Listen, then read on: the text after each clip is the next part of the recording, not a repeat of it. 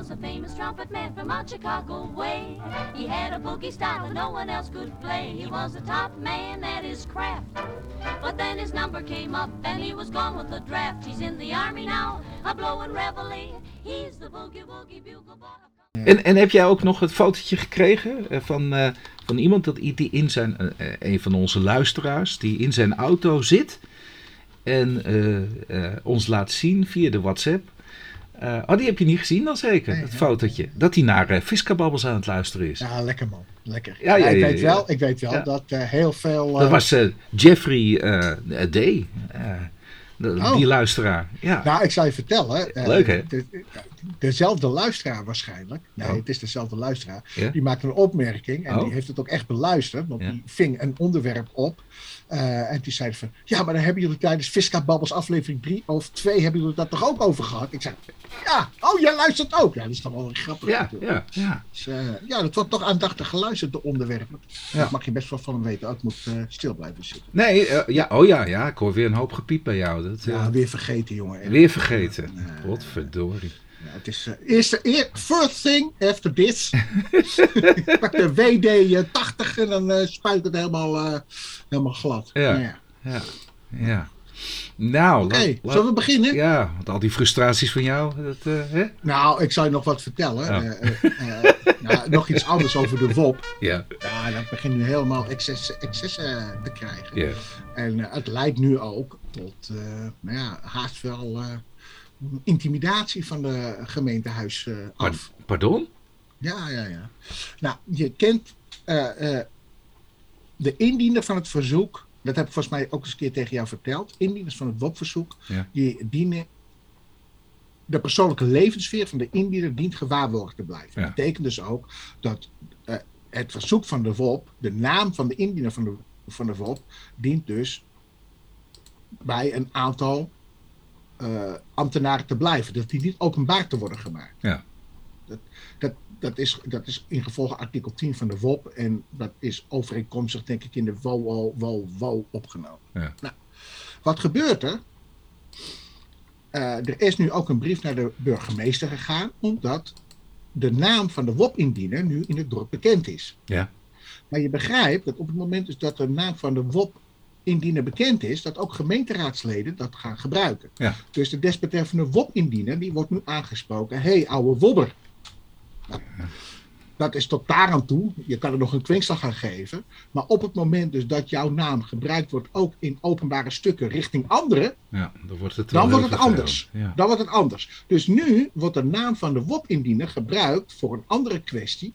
Maar dan wordt zijn naam daarin in een officieel uitgaand stuk van de gemeente, van een gemeenteambtenaar, de naam van de WOP-indiener genoemd. Ja. ja, dat gaat natuurlijk nu veel te ver. Maar dat is eigenlijk weer een onrechtmatige overheidsstaat nu, toch? Dat is inderdaad een onrechtmatige. En de- De brief van de, die nu naar de burgemeester is gegaan, is van joh, let erop. Hè, nou, eerst voor wat betreft het verzoek tot intrekken van de VROP, dat dat grondwettelijk overigens niet gaat. Want namelijk, het is een overheidstaak. Net als je mag niet door rood rijden, eh, dat, dat soort dingen. Ja. Je moet als overheid, moet jij dus openheid betrachten. Dat volgt uit de grondwet, Ja. waar ook deze WOP-regeling een voortvloeisel van is. Ja. Dus op het moment dus dat jij verzoekt om intrekking vanwege het ambtenarenapparaat, handel jij niet grondwettelijk. Omdat namelijk jij vo- voert je publiekrechtelijke taak niet uit. Ja. Nou, dat is dan stap 1. Maar vervolgens ook nog eens de naam noemen, afgezien van het feit dat de AVG daarin eh, eh, toch iets vindt, van vindt. Hè, ook eh, de mevrouw die daar voorzitter van is, heeft daar een, een, een, epiloog of een betoog op geschreven. Zit er in de WOP zelf ook al een regeling dat de persoonlijke levenssfeer van de indiener gewaarborgd dient te blijven. Ja. Dus je mag niet zomaar de naam van de indiener openbaar maken. Nee, natuurlijk niet.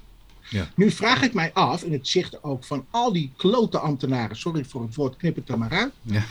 hoe, hoe het komt dat dit soort ambtenaren toch elke keer door mogen gaan. Ja. En dat er geen represaillemaatregelen zijn. Maar het fr- frustreert mij ook. Maar ja, een overheidsambtenaar ontslaan, nou ja, dat gaat gewoon in Nederland niet. Jawel Eh, hoor. Nee, nee, ja, je zegt jawel hoor, maar in de praktijk gaat het gewoon weer niet. Ze doen het gewoon weer niet. Ze kunnen het gewoon weer niet. Ze willen het gewoon weer niet. Oh, daar lijkt het wel op, Wilbert. Ja. En eh, het vervelende is, ja goed, ik kom toch even terug op, dat, eh, op- op die slachtoffers. Die slachtoffers hebben er niet om gevraagd. Hè? Dat, is, dat is de erg. Ja. Je bent kinderloos, je hebt, je hebt een partner die zelfmoord heeft gepleegd door de ellende die is veroorzaakt. En niemand voelt zich eigenlijk verantwoordelijk. Ja. Het gekke is ook dat zojuist in het nieuws is geweest, ik dacht gisteren of eergisteren, dat er nu een plafond is wanneer dit zou kunnen zijn opgelost. Het is 2026, Wilbert. Zo. Kan jij iets daarvan voorstellen, 2026? Dat is, we Ja. zitten in 2022. Dus van de slachtoffers wordt verwacht dat zij vier jaar op hun billetjes blijven zitten. Ja. Ja, en, ik- en, en de desbetreffende ambtenaren, die zitten er nog gewoon steeds. ja precies, precies. Ja. Ja. Kijk, en ik ben- geen, politiek gezien ben ik geen denkaanhanger of PvdA-aanhanger. Maar eh, eh, wat zij vinden is wel dat, ja, er zit wel een, eh, ik vind het wel terecht, ja, Ja. wat zij zeggen en stellen. Dat dit onacceptabel is. Ja. Die ambtenaren die dit betreffen, die hier eigenlijk een, eh, een scheve schaats hebben eh, eh, eh, eh, eh, gereden, die moeten verantwoordelijk worden gesteld. En Ja. de co- ultieme consequentie is gewoon het einde van de, eh, van de aanstelling. Maar René, het gaat niet gebeuren. Dat eh, ga ik je nu al eh, garanderen. nee, maar het, het, Het gaat niet gebeuren. mij wel. Het Ja, tuurlijk. En, en, maar nu even terugkomend op jouw eh, WOP-verzoek. Eh, althans, jouw WOP-verzoek. Het WOP-verzoek van iemand anders. Want ik begrijp Ja. dat iemand anders het ingediend heeft. Ja. Wiens, wiens naam dus nu eh, geopenbaard is. Ja. Ehm, ja, ehm, schadevergoeding eisen nu. En vandaar komen we weer terug op die integriteit. Misschien moeten we daar toch maar eens een keer wat, eh, wat meer vragen over stellen. Dus ik vind, zou het fijn Ah, ja, vinden, ja, ja. Wilbert, Integriteit, ja. ja. ja. om daar toch eens een keer wat, eh, eh, wat aandacht aan te besteden ook. In die zin dat die wethouders het namens de kiezers doet, maar niet voor zichzelf. Maar integriteit, begint integriteit begint allereerst ook met transparantie. Hè? Ja, Dus het overheidsapparaat moet veel meer transparant werken. In plaats van dat het inderdaad. En, en dan kun je zeggen, ja, maar zo werkt het eh, heel vaak niet. En, en natuurlijk, eh, eh, er moeten toch gesprekken in vertrouwen kunnen worden gevoerd. We moeten in onderhandelingen natuurlijk. In onderhandeling kun je onderhandelingspositie niet prijsgeven. Begrijp ik wel. Maar eh, als dat dan niet tijdens de onderhandelingen kan, dan moet het direct na de onderhandelingen moet het wel plaatsvinden. Ja, en dat moet gewoon aan een gemeenteraad worden voorgelegd. Ja. Zoals ze normaal. En die voor, dat voorbehoud kan je toch gewoon maken. Dat je zegt, joh, we hebben nu een, overeen, eh, een, een in principe overeenkomst. Dat Ja. leggen we voor aan de gemeenteraad. Ja, En als die ermee akkoord is, heb je je politieke eh, draagvlak. Nou, that's it. Maar niet eh, dat je het, dat democratisch proces zo naar je toe trekt. Dat de gemeenteraad niet meer over dit soort overeenkomsten hoeft te beslissen. Nou, dat, Nou, dat is het is- hele eiereten. Ja. Nou, terug maar naar ons programma. ja. Eh, je had wat ingebracht. Initiatiefwetsvoorstel aanpassing box 2 en BOR. En, Oh ja. Ja, en dat plaatje wat er wordt eh, eh, bijgezet. En Ja. we hebben het nu over tekstflashes. Of, Ja, ja. Die zet er een plaatje bij, een plaatje bij over een verhoging van belasting. Nou, daar ben ik het toch wel mee eens. Want als je dit toch leest, denk je toch bij jezelf: oh, ja. Maar, maar leg eens even Links. uit, want de, de luisteraar maar kan niet zien wat jij ziet. Nee. En, En jij ziet alleen maar een plaatje met een, eh, een, een, een enorme verhogingen van belastingen in, in de loop van de tijd. dus het, loopt maar door en loopt maar door. Ja. Waar het hier om gaat, is dat twee Kamerleden, dat is mev- eh een Mautag, Ma, Ma, Mataug en Ja. Van der Lee. Had je ooit van ze gehoord? Of? Nijboer wel, overigens. Die heeft nog wel vaker van die bizarre wetsvoorstellen ingediend. En nou ja, maar kijk, dat is PvdA. Hè? Ja. Eh, eh, maar goed, van de beide GroenLinks-leden, nee, daar heb ik er nog nooit wat van gehoord. Nee. Eh, maar in ieder geval, ze hebben een wetsvoorstel ingediend wat zich voornamelijk richt op box 2. Ja. En eh, we weten al dat box 2, het tarief van box 2, dat wordt verhoogd. En Ja. box 2, dat is het, eh, de eh, box waar eh, elke aanmerkelijk belang aandeelhouder, dus het is gewoon de directeur die een eigen BV heeft, of aandeelhouder is van zijn eigen BV, Ja. eh, in die inkomstenbelasting wordt betrokken voor zover het niet salaris betreft. Nou, het gaat hem echt om de dividenduitkeringen van box 2. Eh, ze hebben dus zes voorstellen en in vergelijking met uiteraard het inhoud van het belastingplan 23 verschil- scheelt dat. Eh, we hebben het, voorheen hebben we het gehad over de doelmatigheidsmarge in, eh, eh, voor wat betreft het toekennen van het salaris van de DGA. Ja. Het voorstel was om dat te verlagen naar 15%. Wat is het voorstel van deze leden? Om het naar nul te brengen, dus geen marge meer. Ja. Uitvoeringstechnisch lijkt me dat zo ingewikkeld. Je legt een claim op ambtenaren van heb ik jou daar. Je krijgt discussies. Uh, die doelmatigheidsmarge, die zit, het woord doelmatigheid, dat geeft al iets aan. Uh, maar nee, het moet dan nou, 15 procent. Nou ja, dan, even een vinger op mijn voorhoofd. Maar de, de, dit wordt allemaal natuurlijk gecompenseerd met nieuwe, een nieuw blik ambtenaren natuurlijk die dit kan uitvoeren. Daar gaan ja, ze ongetwijfeld ook.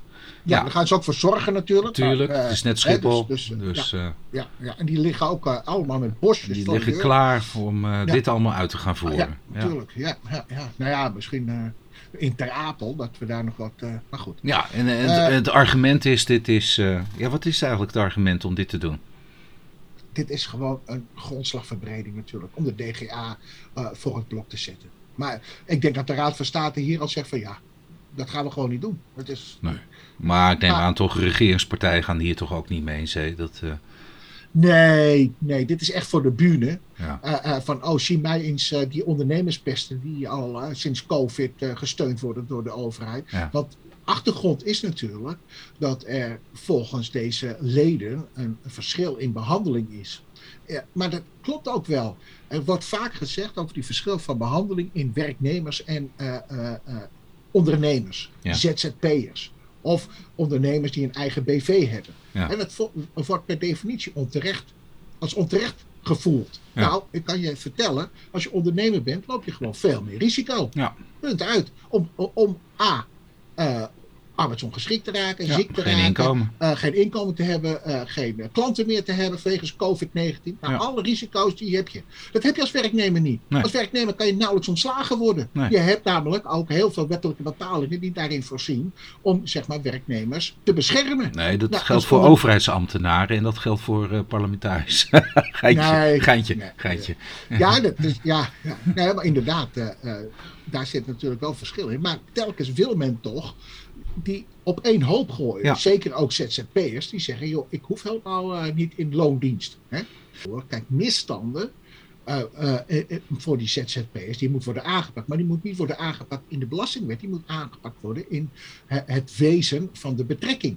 Je moet gewoon ook voor misstanden moet je regelingen treffen. Nou ja, ja, op deze manier. Ja, jij zegt voor misstanden moet je regelingen treffen. Maar kunnen dat niet eens een keer even een wat betere open norm geven en aan de rechter overlaten? Of hier sprake is van gewoon een dienstbetrekking. Ja. ja. Want, dat, dat, geregel, het werkt niet. Nee. Wat, je ook, wat je ook bedenkt, ik bedoel, men zit met, nou ja, laten we van vroeger met de VAR uh, wat, wat hebben we nu uh, dat er op de plank ligt? Dat is, dat... dat is tien jaar geleden, hè, die VAR. Ja, nou, nog korter, want wat, tot, nou... Nee, want we hebben voorheen hebben we de DAP gehad, ja, nee, maar... niet werd ingevoerd. Ja, nee, precies. Maar ik bedoel, uit dat dossier komen we toch niet uit. Omdat nee. men dat maar probeert in regelgeving vast te leggen, wat gewoon niet kan. Ja. He, er moet gewoon een open norm komen en de rechter die gaat gewoon bepalen dit is een dienstbetrekking en dat niet. Dat laten we gewoon naar die rechter toe, want iedere situatie is weer anders en op het moment dat je regelgeving bedenkt, dan bedenkt wel weer de praktijk een, een regel die er onderuit kan komen. En dat krijg je niet met zo'n open norm. Maar ja, uh, deze regel, uh, de, de, de, deze Kamerleden die wilden dat toch uh, anders zien. Ja, even, even doorlopend deze regeling. In ieder geval de eh, de doorschuifregeling in de inkomstenbelasting voor vererven en schenken van aanmerkelijk belang wordt afgeschaft. Nou ja, goed, je moet je voorstellen, uh, kind die zit al in de onderneming, bij wijze van spreken, en vervolgens komt vader te overlijden, waar ze samen een onderneming mee hebben. En deze leden die zeggen van, nou, jij komt, jij krijgt die aandelen niet op een of andere manier, daar moet je gewoon voor betalen. Ja. Maar, ja, dus dat die, betalen aan de staat wil gewoon zeggen dat er minder investeringsgeld overblijft om te investeren. Mm nou, uh, dan moet je allemaal gaan lenen en dergelijke. Vervelend. Aanpassing tarief 2. Nou, dat gaat dus even van 25,96 procent. Uh, loopt dat op tot 40,59 procent. Mm -hmm. Nou, -hmm. waarom dat nou weer is. Dat, dus je moet je voorstellen, als ik dividend ga uitkeren, die dus al in de vennootschapsbelasting is belast, moet ik daar nog eens keer 50 procent over betalen. Ja. Over, uh, over een bepaald bedrag, weliswaar, waar die 58.989 euro op gebaseerd is. Nou, Wilbert, jij mag me. Uh, dat zegt het verhaal dus niet. Nee, ja. ja. Uh, nou ja, verhuurd vastgoed wordt standaard aangemerkt als beleggingsvermogen. Ja, nou, zwaar. Uh, uh, nou, AB, kleine AB-pakketten worden uitgezonden van bedrijfsopvolgingsregeling. Nou, er zit sowieso al een drempel in die, uh, in die regeling. En verlaging vrijstelling bedrijfsopvolging is regeling naar 25%. En dat zijn dus de regelingen die voorzien in schenken en erfenis. Maar René, even om een lang verhaal kort te maken. Dit is een motie, een, een initiatiefwetsvoorstel voor de bühne. Ja, maar Hoop dat ik. het ook weer gepubliceerd wordt, heb ik ook wel wat moeite mee. Dan krijgen we dat ook nog eens een keer. Want namelijk, ja, je vraagt je af van, dit is echt voor de bühne. Dit leidt tot niets. Maar ja. Toch telkens wordt erop gefit op die ondernemers. Dat is ook onsympathiek, vind ik. Uh, ja, ja goed, maar uh, uh, we zitten met een... nou ja, ik, ik, ik, weet niet of we met een probleem zitten op dit moment. Maar we zitten met belastingprobleempjes die opgelost moeten worden. Uh, we willen dat natuurlijk zoveel mogelijk budgetair neutraal doen. Allerlei uh, uh, behoorlijke ideeën van, het, het, het, van, van de regering, maar ook van het parlement, die moeten gefinancierd worden. Dus er zal geld moeten komen. Jazeker. Ja, en, en waar moet het vandaan komen? Ja, waar moet het vandaan komen? Nou, en, en dan is natuurlijk vanuit GroenLinks en vanuit de PvdA is het logisch, we gaan de ondernemers pakken. Hey, je had er eentje voor mij ingebracht, uh, begrijp ja, ik. Ja, ik had er eentje Je denkt ook van, Kijk, ik laat, denk van laat nou... Wilbert maar eens een keertje uh, wat vertellen. Ja, laat we, ja. Ja. Nou Wilbert, nou, jij, jij, jij, jij begrijpt het. Ja, nee, tuurlijk. Uh, en, en notabene de dag van, van mijn, mijn 16-jarig huwelijk is genomen. 6 juni 2022. Dus 60 dat, jarige verjaardag? Zo. ik kreeg commentaar op de achtergrond, hoorde je dat? Um, ik, hoorde, ik hoorde toch een getal. Ja, nee, dat hoef ik niet te horen. En, en dat gaat over de verkoop van een complex met verhuurde de appartementen. Six oh. Ja, de verkoop, ik ga het maar herhalen. De verkoopcomplex met verhuurde appartementen is een overdracht van de algemene vergoederen. Je brengt het in, het is een uitspraak van het Hof Arnhem en die heeft dat dus geoordeeld. En, en uh, daar zie je het over het wel wezen, denk ik nog steeds hoor, een, een, een soort van projectontwikkelaar, ook al mag er niet staan. X die geeft in 2015 een verhuuropdracht af voor de verhuur van 77 appartementen. Die worden gebouwd, ja dat is een, een projectontwikkelaar. In een kantoorpand in bezit van een concernvennootschap, dus een geleerde maatschappij. Nou, en ook sluit X een vastgoedbeheerovereenkomst af met een derde. Nou, 2016 wordt hij eigenaar van een gebouw, gaat verhuren. En dan duurt het tot oktober 2017 en dan wordt het pand wordt verkocht door X aan een beleggingsmaatschappij. Ja, en uh, uh, nu ontstaat de vraag, kan dit, nou artikel 37d wet OB, een overdracht zijn van een onderneming? En uh, we hebben in het verleden gezien dat de Hoge Raad zei, ja als je een bedrijfsverzamelgebouw verkoopt met acht huurders daarin, het is één gebouw met acht huurders, dan zie ik daar een algemeenheid van goederen in. Dat wordt voortgezet, die huur, hè, de verkoop koop breekt geen huur, dus dat wordt voortgezet. En daar zie ik 37d in, toen nog artikel 31 wet OB, maar voor de echte oudjes onder ons. En uh, dat is in de laatste jaren, wordt dat wat genuanceerd. Er wordt gezegd, ja, maar dat mag toch niet zomaar zijn bij een projectontwikkelaar, want die, die exploiteert dat nauwelijks. En als je het nauwelijks hebt geëxporteerd, dan kun je moeilijk zeggen dat er een, een onderneming die geëxporteerd werd, wordt voortgezet. Want hij was er aanvankelijk nog niet eens, nauwelijks nog. En, en dan zie je dat de, de rechtelijke macht, die heeft er weer, weer, weer dat teruggeschoven. He, van uh, ja, als het nooit de bedoeling is geweest dat je dat duurzaam exploiteerde, da, dan, dan kan het niet een overdracht van een onderneming zijn. En, en, en, en dat, dat, dat staat dus hier ter discussie. Uh, even kijken, anderhalf jaar geloof ik, 2017, in ieder geval nou ruim een jaar wordt dat dus verhuurd. En dan zegt nu het Hof Arnhem, ja dat is nu wat anders. Nu is het toch wel een duurzaam opbrengst verkrijgen is er geweest. Ah, ik weet het nu niet meer René. Uh, oh, nee. Ook al. Maar ik begon al, wat is hier eigenlijk het belang van? Want... Nou, het, het grote belang uh, zit hem in beginsel allereerst met als deze overdracht van, laten we even zeggen, het is een nieuw appartementencomplex. Maar ja, dan... in 2015 is een verhuuropdracht plaatsgevonden. Dus je moet dan binnen die twee jaar termijn zitten. Uh, ja, dus, dus als het nieuw is, dan zou het een btw-belaste levering zijn. En dan moet je in één keer die btw in rekening brengen en voldoen. En als het dus eh, niet een, een, een 37, eh, als het wel een 37D is, ja, dan zit er geen BTW op. Dan loopt dat gewoon door. De- daar Maar appartementen. ja, maar er speelt hier nog even wat dus mee. Want dat is een BTW-belaste levering waarbij de BTW niet aftrekbaar is bij, bij de nieuwe koper. Hè, de nieuwe koper die kan de BTW niet in aftrek brengen, want die verhuurt appartementen.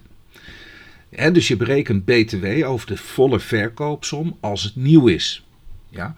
Als het 37D is, dus niet. En bovendien, die BTW-voorbelasting die is niet in aftrek gebracht ter zake van de verbouwing. Hè, want ze hebben een kantoorpand omgebouwd tot een concernvenno's, eh, t- sorry, tot, tot een woonappartementencomplex. En die BTW rust dus alleen maar op dus de verbouwingskosten. Dus er zit een, een groot voordeel in om 37D toe te passen.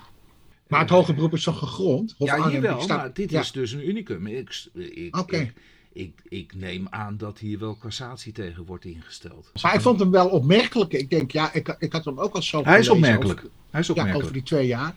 Nou, dan heb jij nog een, een, eh, een, een zielig verhaal. Ja, eh, zo eh, zielig. een ziel, ja eh, ik, ik vond het echt wel zielig. Ik bedoel, allereerst eh, sprake van iemand die zit in een bijstandsuitkering. Ja. En, en, Ja. en dan, dan die krijgt dan een erfenis. En dan is er een, een executeur testamentair. En die vertikt het om eh, de, de, de, eh, nog uitkeer. Trouwens, het wordt beneficiair aanvaard. Hè? Dus, eh, eh, dus die executeur die moet ook nog wel echt aan de slag. Alvorens hij kan uitkeren. Maar vervolgens gaat de executeur testamentair er met geld vandoor. En die vergokt het. Ja, die Sorry. vergokt het. Ja, ik lach Ja. erom. Het is natuurlijk buitengewoon triest. Ja, hij is echt triest. Iemand Ja, in de ja. bijstand, dus je begrijpt, Ja, die, dat heeft allerlei financiële gevolgen op het moment dus dat jij een, een, een, een- in dit geval een, een, een, een nalatenschap mogelijk. Ja. Want dat is dus beneficiair aanvaard. ja, Eh, eh, maar in ieder geval aanvaard Ja. met een hoog bedrag. Meteen de, eh, laat ik het zo zeggen, de bijstand wordt meteen stopgezet, want je hebt genoeg vermogen. Nou dat moet je dan aangeven. Ja. En vervolgens leidt dit toch tot zelfs het gerechtshof Ja. om het Ja. gelijk van deze mevrouw eh, te halen. Even Want Hof- namelijk, Hof- wat Hof zegt de Den Haag, hè? Belastingdienst? Wat zegt Eh, Even, terug, het is Hof Den Haag, want we moeten wel even voor de luisteraar eh, kenbaar maken waar het om gaat. Hof Den Haag 2022, dus ook Ja. van drie weken terug. Ja, uiteindelijk wordt dat door, bij de rechtbank gebracht. Nou, de rechtbank die vermindert dan nog, nou, met nog geen 50.000 euro tot 282 eh 096, of eh, 69. ja, Nou, en vervolgens moet Hof Den Haag toch eindelijk tot het oordeel komen dat de verkrijger Ja. eh, eh, toch leidt aan een individuele en buitensporige last. En dat het Hof dus rechtsherstel eh, biedt om deze aanslag te vernietigen. Maar dan moet je dus wel eventjes naar het Hof gaan Ja. als bijstandsgerechtigde. Ja. Nou, A, ik vind het heel fijn dat dit toch goed is afgelopen. Eh, eh, Ja. ja. vingers, eh, ja, duimen omhoog. Voor, Nou ja, alle- alleen voor op- degene die dat heeft gedaan. Ja, zeker. namelijk, ja. Het is ook een liefhebberij oud papier om deze mevrouw te helpen, lijkt mij. Maar daar daarbovenop komt ook de hardheid. Ja, van de rechtbank, hè? Hard, nee, ook Nou, begin ook. bij de Belastingdienst. Nou, ja, begin ook. bij de Belastingdienst. ook. Hè? Want die zeggen ook van ja, regeltjes, dit en dat. Zij heeft geen geld. Maar vervolgens kreeg zo'n rechter, rechtbank over. Nou, bewijzen technisch. Maar nou, ja, goed, eh, u, kunt- u heeft mij niet overtuigd. Gelukkig wel het Hof kunnen overtuigen van, eh, dat zij dus echt geen geld heeft ontvangen. En dat dus het Hof uiteindelijk toch rechtsherstel aan haar biedt.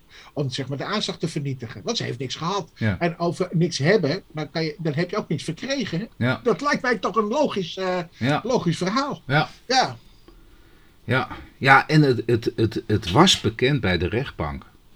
En dat vind ik wel een beetje kwalijk, want eh, in, in de uitspraak blijft dat die, blijkt dat die rechtbank Zeeland-West-Brabant.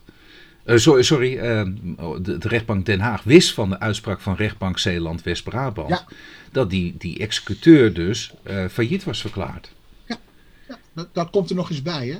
Ja, die- En nog steeds een heel zielig verhaal. Ja, Ja, het is gewoon echt een zielig vrouw. De uitkomst is, is ja, is, is, is stemt Nou, maar ik- tevreden. nee, maar want- de weg er naartoe, Ja, de weg er naartoe is gewoon heel vervelend. Ja, ja. ja, En, ja, en, kijk, en ook hier weer, hè, zeg ik, net als vorige week, waarom kan die rechtbank niet eens een keertje wat meer optreden, een keer in het belang van een belanghebbende? E- Even, ik, ik keer weer terug op vorige week. Want vorige week hadden we het over belachelijkheid dat. eh, De 49 eurocent. ja, ja, weet je nog? Geen- over, over 49 eurocent, daar werd geprocedeerd. En toen werd de, de belanghebbende die werd in de kosten eh, veroordeeld eh, van de proceskosten. Ja. Wat ik schandalig vond. Ja, maar wat ik ook schandalig vind, is wat ik hier nu vind. Maar ja, dit doet de Hoge Raad. Ja. Hè, 3 juni 2022 Ja. komt er een, uits- een arrest van de, van, van de Hoge Raad. En, en dat gaat over dat er een belang van 28 euro eh, staat er op het spel. Daar heeft de rechterlijke macht wel 3,5 jaar.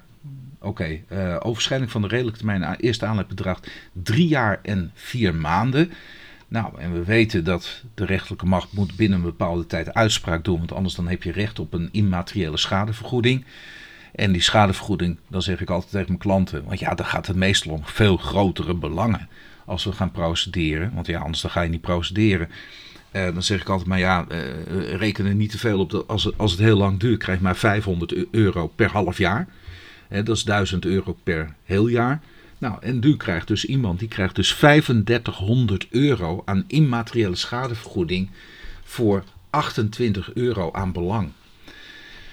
Ja, en nou, dan hoor je mij weer. Kijk, dit, dit vind ik ook niet. Hier had ook, ja, snap je? Eh, eh, Ja, ja, ja. Dit voelt niet rechtvaardig. wij moeten een keer in godsnaam af van al die belachelijke forfaits en bedragen en vaste puntenstelsel en in kostenvergoeding. In mat- we moeten Je eens een ziet keertje ook dat, dat zeg maar forfaitaire regels alles. tot onrechtvaardigheid. Juist. Dat is het eigenlijk. Een Ja. onrechtvaardig gevoel. Ja. Het is wel grappig dat je dit nu aanhaalt. Ik had een eh, heel eh, interessant gesprek met eh, de heffingsambtenaar van de gemeente Opmeer. Ja, alweer. Eh, ja, de heffingsambtenaar, hè, want ik heb toch een aantal WOS-bezwaren. Ja, ja, ja, ja, tegen, eh, ja, de wet on, eh, wetwaardering onroerende zaak. Maar vervolgens zegt hij van nou, ik ben wel blij dat ik met u bel, want dat ik niet met een professioneel eh, opgezet bureau voor tegen WOS aanslagen praat. Ja. Want daar is het alleen maar om te doen Oh, om de die bezwaarkostenvergoeding kostenvergoeding. te Ja. krijgen. Ja. Want als ik 1 euro tegemoet kom,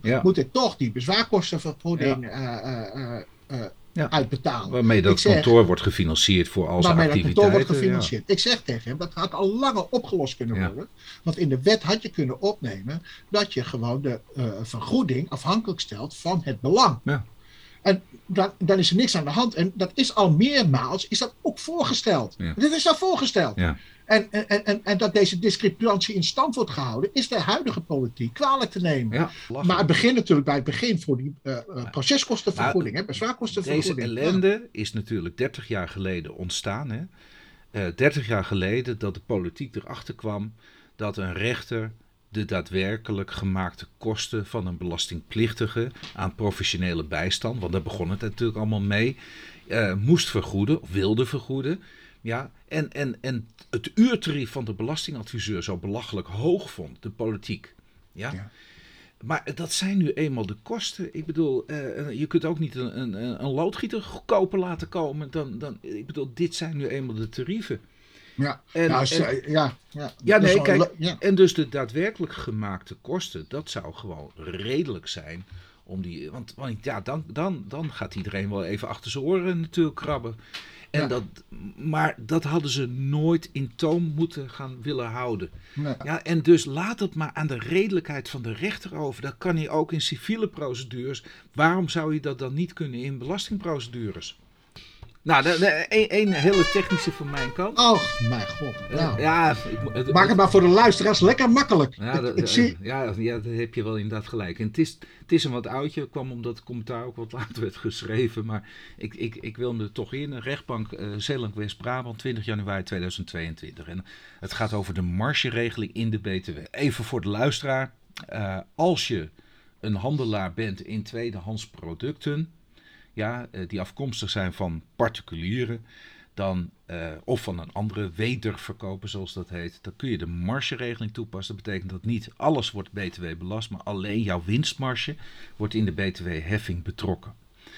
Ehm, omdat je juist koopt van particulieren of van een andere wederverkoper, eh, handelaar in tweedehands goederen, ehm, eh, omdat je juist koopt van, van particulieren, moet je wel kunnen aantonen waarvoor je het dan gekocht hebt. Dus, want je krijgt namelijk van een particulier geen factuur. Ehm, Dus wat, wat, wat, wat heeft de wet geëist? Dat je dan een inkoopverklaring laat ondertekenen, of tenminste uh, uh, met elkaar opstelt, afgeeft. Een inkoopverklaring waarvan je dan een kopie achterhoudt. Waarop je meldt, wat heb ik hiervoor betaald? Dus, dus je koopt bijvoorbeeld een, uh, nou ja, vaak, vaak gaat het over auto's.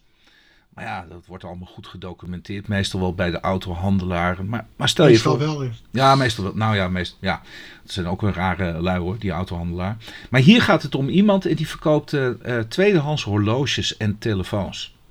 Ja, en die, uh, die heeft een eenmanszaakje. Nou, dat zie je ook heel vaak. Die kleine ondernemersregeling, afgezien dan van die auto's. Ja, die, wordt, die moet worden toegepast door hele kleine ondernemertjes. Die, die al heel veel last hebben met administratieve verplichtingen.